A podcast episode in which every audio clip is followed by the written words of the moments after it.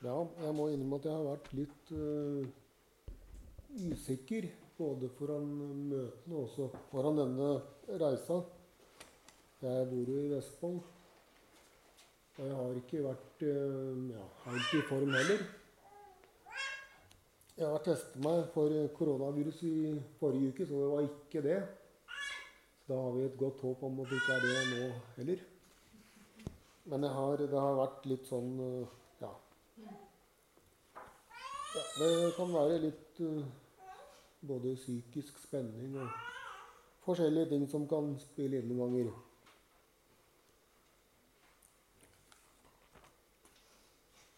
Det som var litt rart, det var jo det at den sangen som, som Ingeborg sang nå, det var vel den sangen vi skulle synge etterpå. Men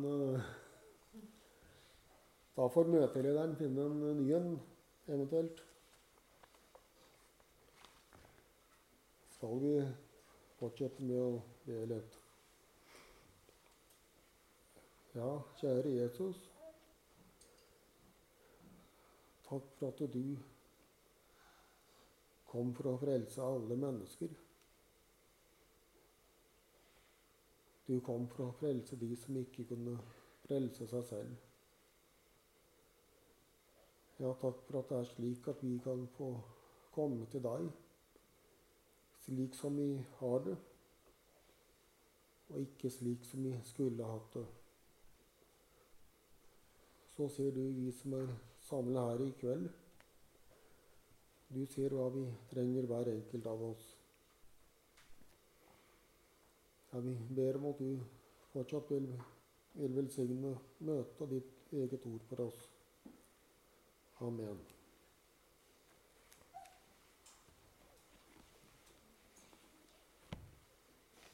Vi skal lese en eh, ganske kjent tekst.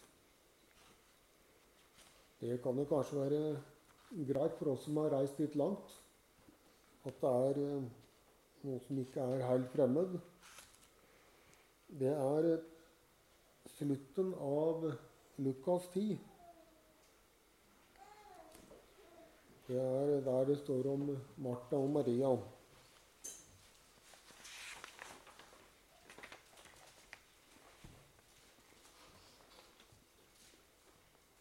Lukas 10,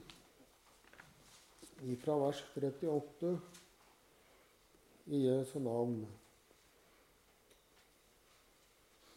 Mens de var på vandring, kom han inn i en landsby og en kvinne med navn Martha tok imot ham i sitt hus. Hun hadde en søster som het Maria. Hun satte seg ved Jesu føtter og lyttet til hans ord.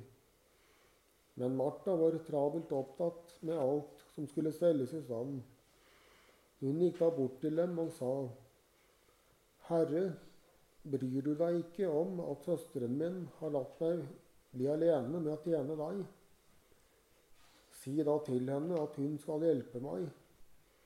Men Herren svarte og sa til henne, Martha, Martha, du gjør deg strev og uro med mange ting, men ett er nødvendig.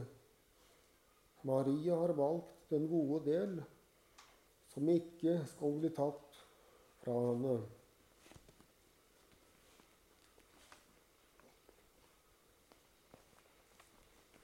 Det er slik at når vi leser i Bibelen, da må vi både legge merke til hva vi leser, eller hva det står. Men vi må også legge merke til hva som ikke står. Vi må ikke blande sammen våre egne tanker og vår egen fornuft med Guds ord. Jeg, jeg tenkte på noe som um, står i andre Korinterbrev 10. Det er vers 4 av 5. Um, jeg blei litt usikker på om jeg skulle ha det med, men jeg skulle stryke det. Men vi, vi tar det med likevel. For våre våpen er ikke kjødelige, men de er mektige for Gud til å bryte ned festningsverker idet vi river ned tankebygninger og enhver høyde som reiser seg mot kunnskapen om Gud, og tar enhver tanke til fange under lydigheten mot Kristus.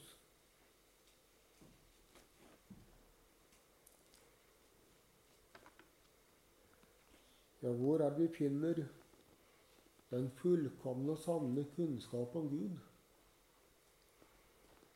Den finner vi bare i Bibelen. Den finner vi i Guds eget ord. Og slik er det også i den teksten som vi leste nå.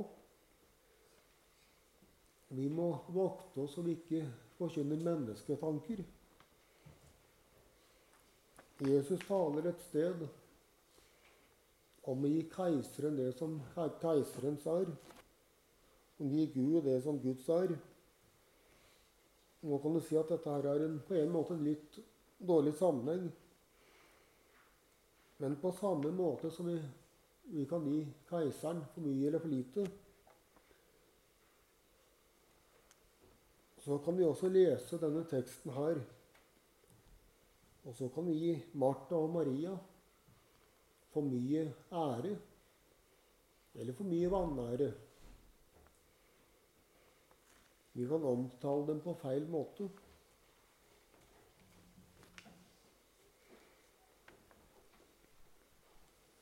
Vi leste jo det her i, i slutten av vers 38. Og en kvinne ved navn Martha tok imot ham i sitt hus.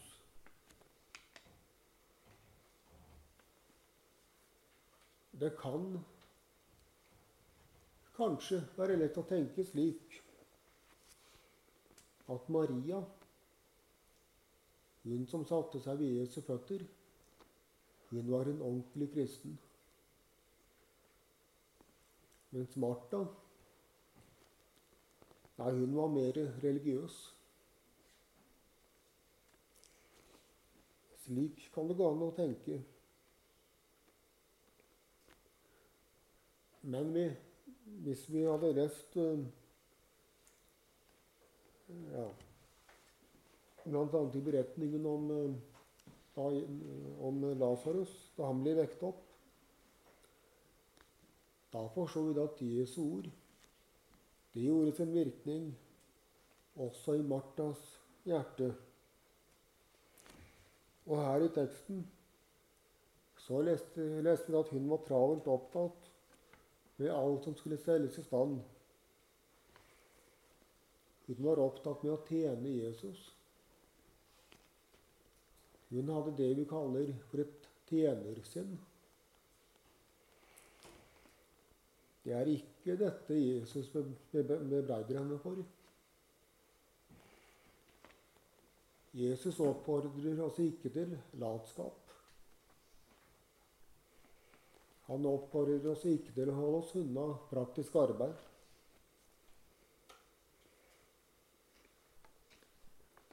Og så ser vi her i vers 40 det som, det som Martha sier til Jesus.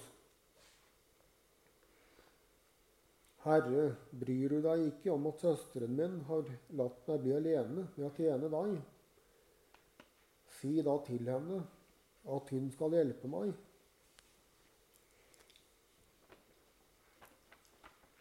Ja, Jesus svarer ikke på det spørsmålet, egentlig. Han tar ikke stilling til den saken i den, samme, i, i den teksten som vi leste her. Han sier ikke at det er feil av Martha å ønske hjelp.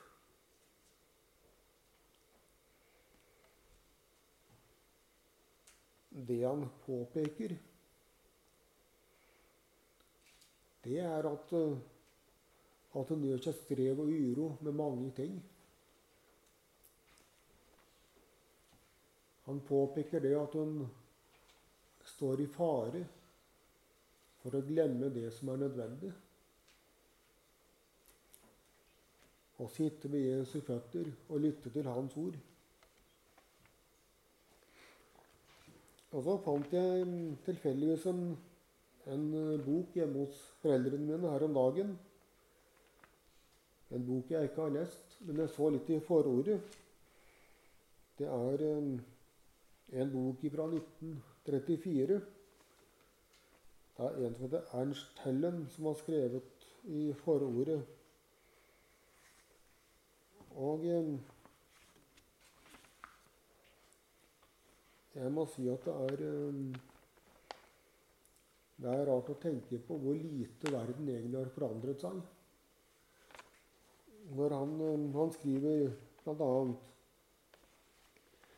I en tid hvor alle svarmeriske bevegelser brer seg som ild i tørt gress, og hvor man vender seg mot alle nye lærdommer som klør i ørene, og mot en kristendom som legger vekten på hva vi kan gjøre, og hvor Kristi kors er kommet i bakgrunnen, hilser vi med glede enhver hjelp til, til tilegnelse av av det gamle korsets evangelium, hvor synd kalles synd, og nåde blir nåde, og hvor kravet om et hellig liv stilles uavkortet, samtidig som enhver ubibelsk syndfrihetslære avvises. Og så har han eh, det som jeg kanskje stansa mest for.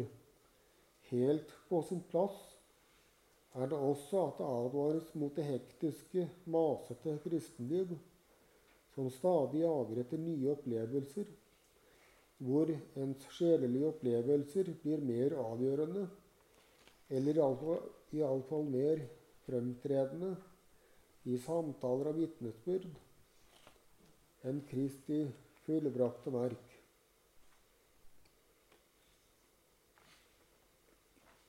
Og det, det, var jo sånn at Til å begynne med så tenkte jeg egentlig det at det var kanskje det siste så var det kanskje det mest aktuelle med tanke på den teksten vi hadde lest.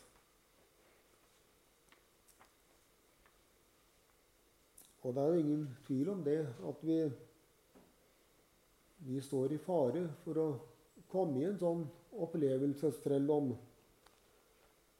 Og så blir Guds ord det blir fortrengt.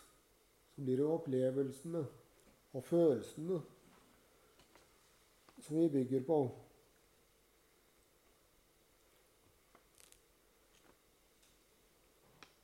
Men så hadde jo det sitatet fra andre korinterbrev om eh, Nei, det var kanskje ikke sitatet. Men vi var inne på det med, med lærdommer som klør i ørene. Mennesketanker. En kristendom som blander sammen lov og evangelium.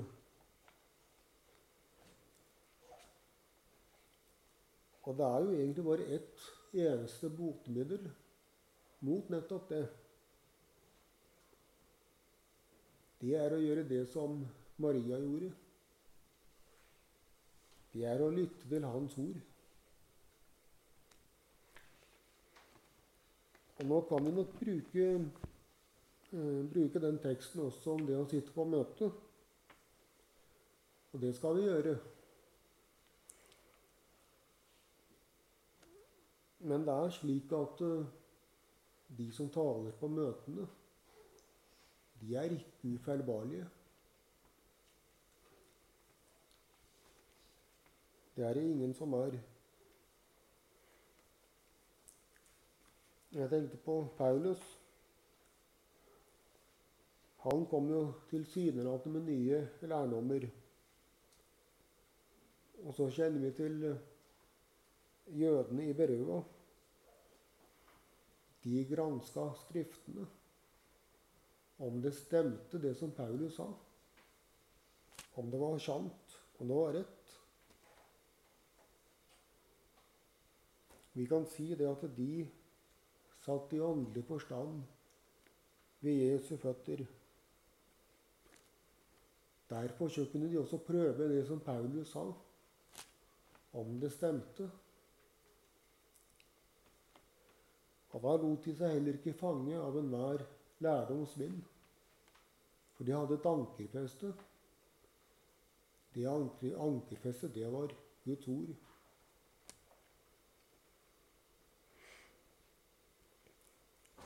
Og så forstår vi det at det var viktig å prøve Paulus sin forkjønnelse. Vi kan si at han kom på mange måter med noe nytt, noe som ikke hadde vært forkynt før på samme måten.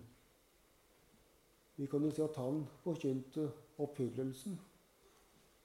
Tidligere hadde de bare hørt om, om løftene. Men hvordan er hos oss? Du kan sitte på, på møte, og så kan du høre en preken. Og så kan taleren strø om seg med bibelsitater. Han kan bruke de rette orda. Du kan ikke finne en eneste feil setning. Alt han sier, det er rett. Læremessig ja, så er fullkomment. Men allikevel så kan det være en fremmed ånd som er til stede. Selv om det læremessig er helt rett. Jeg måtte tenke på det som står i, i Johannes 10. Der omtaler, omtaler Jesus seg som den gode hyrde. Og så skal vi mm, legge merke til det som står i vers 3-5. Der taler han om han som er hyrden for fårene. For ham luk lukker dørvokteren opp. Fårene følger hans røst, og han kaller sine får ved navn. Og han fører dem ut. Når han har fått alle sine får ut, går han foran dem, og fårene følger ham, fordi de følger hans røst. Men en fremmed vil de ikke følge, de vil flykte fra ham, for de kjenner ikke de fremmedes røst. Her hørte vi at det var det var ikke bare noen ord, men det var også en røst. Fårene de hørte forskjell på hyrdens røst og på den fremmedes røst.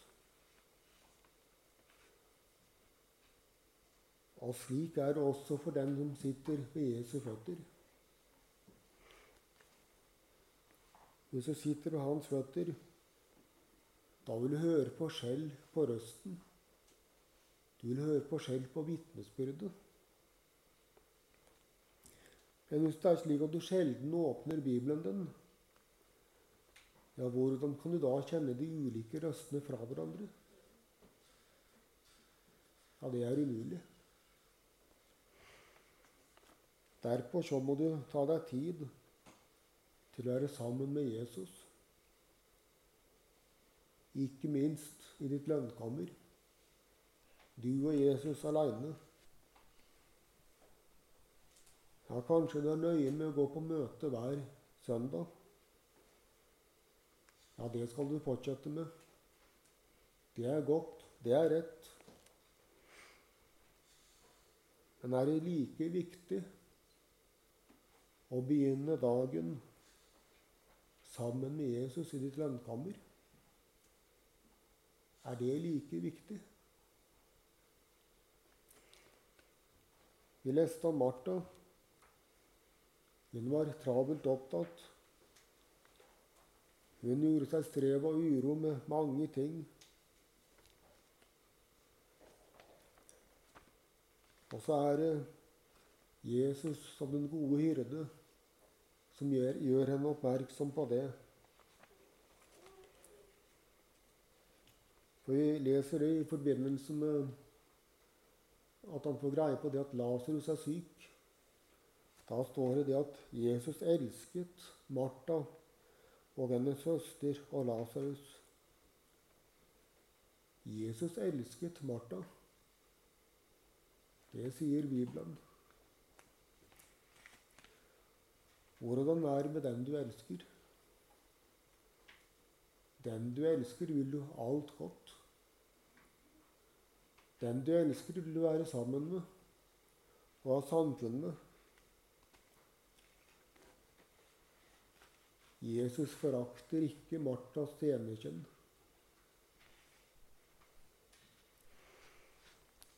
Men han vil minne henne om at det som er viktig, det må ikke ta plassen til det som er nødvendig. Ja, hvor lett har ikke vi for å bli opptatt av alt det vi skal gjøre, alt det vi skal ordne, alt det vi skal rekke, også i tjenesten for Jesus. Vi kan bare tenke på et stort arrangement som dette her. Alt som må på plass. Kanskje har du praktisk ansvar for slike samlinger. Ja, da er det mye du skal ordne. Mye du skal ha oversikt over og kontroll på. Og så tar strevet og uroen all plass i tanke og sinn. Og da er ikke løsningen å stresse enda mer. Det kan jo lett bli slik at hvis det er noe du skal rekke, så får du dårlig tid. Så får du enda dårligere tid. Så blir du bare enda mer stressa. Nei, da tror jeg løsningen er det som Jesus sier i Matteus 11, 28. Kom til meg, alle som strever og har tungt å bære, og jeg vil gi dere hvile.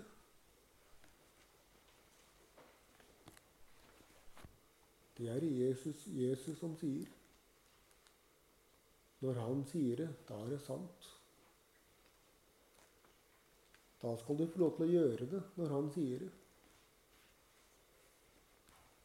For det er slik at hos, hos Jesus så får du sann hvile. Du kan komme til ham med alle ting.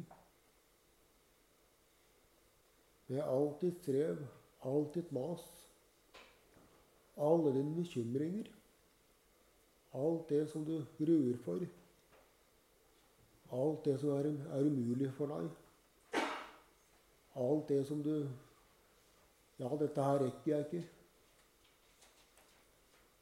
Det kan du få si til Jesus. Og så sier Peter, han sier det slik Kast all deres bekymring på ham, for han har omsorg for dere.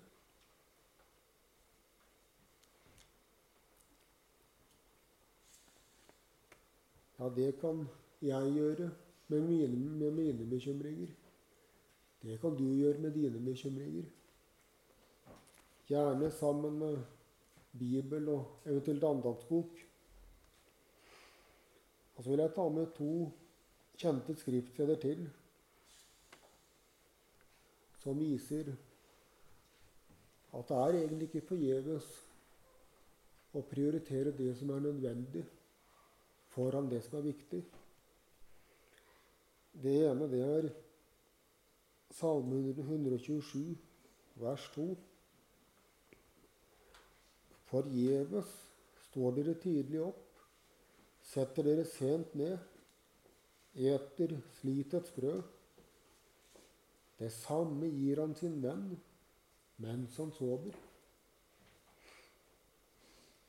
Og det, det andre, det er ordspråkene 1022.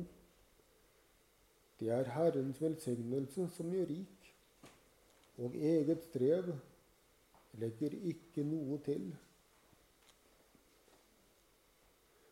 Ja, hva hjelper det om du stresser og maser og sliter deg ut, og så mangler du Herrens velsignelse? Ja, hva hjelper det da? ja, da hjelper det ingenting.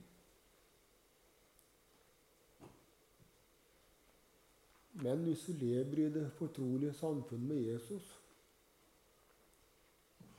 og du legger alle ting framfor ham, vet du hvordan det går da? Da går det slik det skal gå. Det er ikke sikkert at det går slik som du tenker, eller slik som du ønsker. Men det går slik det skal gå. Og han veit hva som er best for deg. Hva som er best for de neste. Ja, for alle mennesker.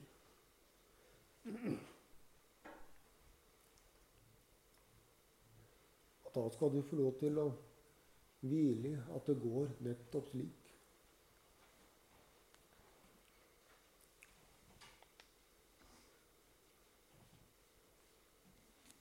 Men så er det slik at uh, ditt kjød, det finner ingen hvile hos Jesus.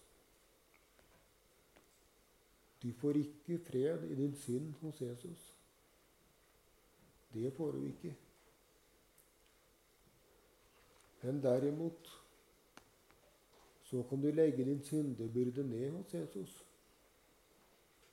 Det kan du gjøre.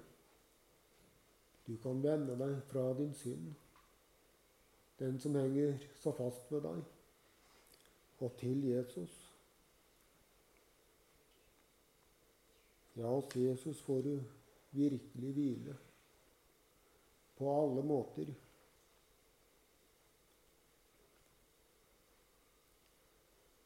Ja, Jesus han sa 'Jeg vil gi dere hvile'.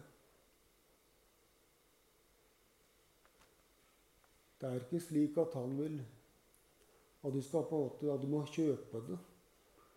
At du, må, at du må vise at du fortjener det.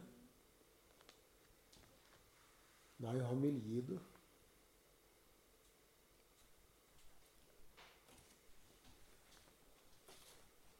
Men så vitner Bibelen også om at det, det er en dyrekjøpt hvile.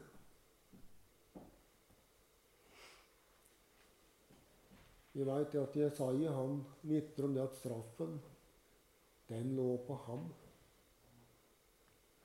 for at vi skulle ha fred. Herren lot den skyld som lå på oss alle, ramme ham. Jesus tok på seg alt ditt, alt mitt all din opptatthet og travelhet, all din lunkenhet, all din synd, hele ditt syndeforderv.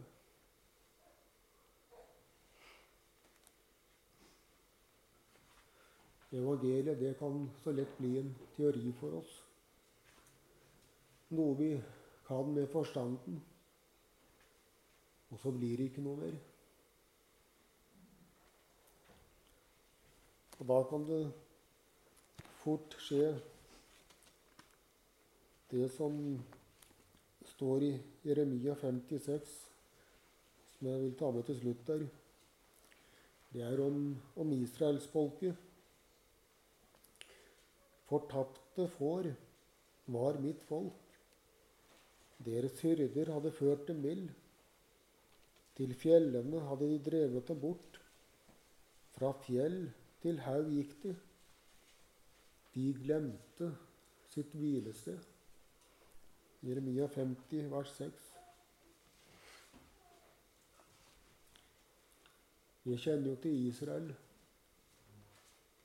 De søkte hjelp hos stormaktene. De ville heller stole på dem enn på Herren. Så gikk det galt. må det ikke gå slik med vi som er samla her. Må du ikke glemme ditt hvilested hos Jesu føtter. Der du kan få fullkommen hvile. Maria har valgt den gode del, som ikke skal bli tatt fra henne. Det leste vi helt til slutt i denne teksten.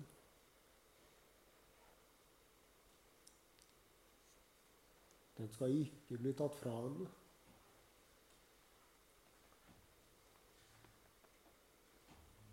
Du har et hvilested som ikke skal bli tatt fra deg.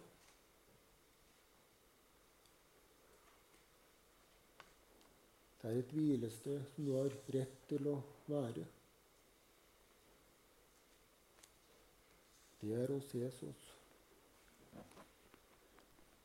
Og det er ikke fordi at uh, du fortjener det. Men det er fordi Jesus har fullbrakt alt. Han har tatt på seg alt ditt. Og så vil han gi deg alt sitt.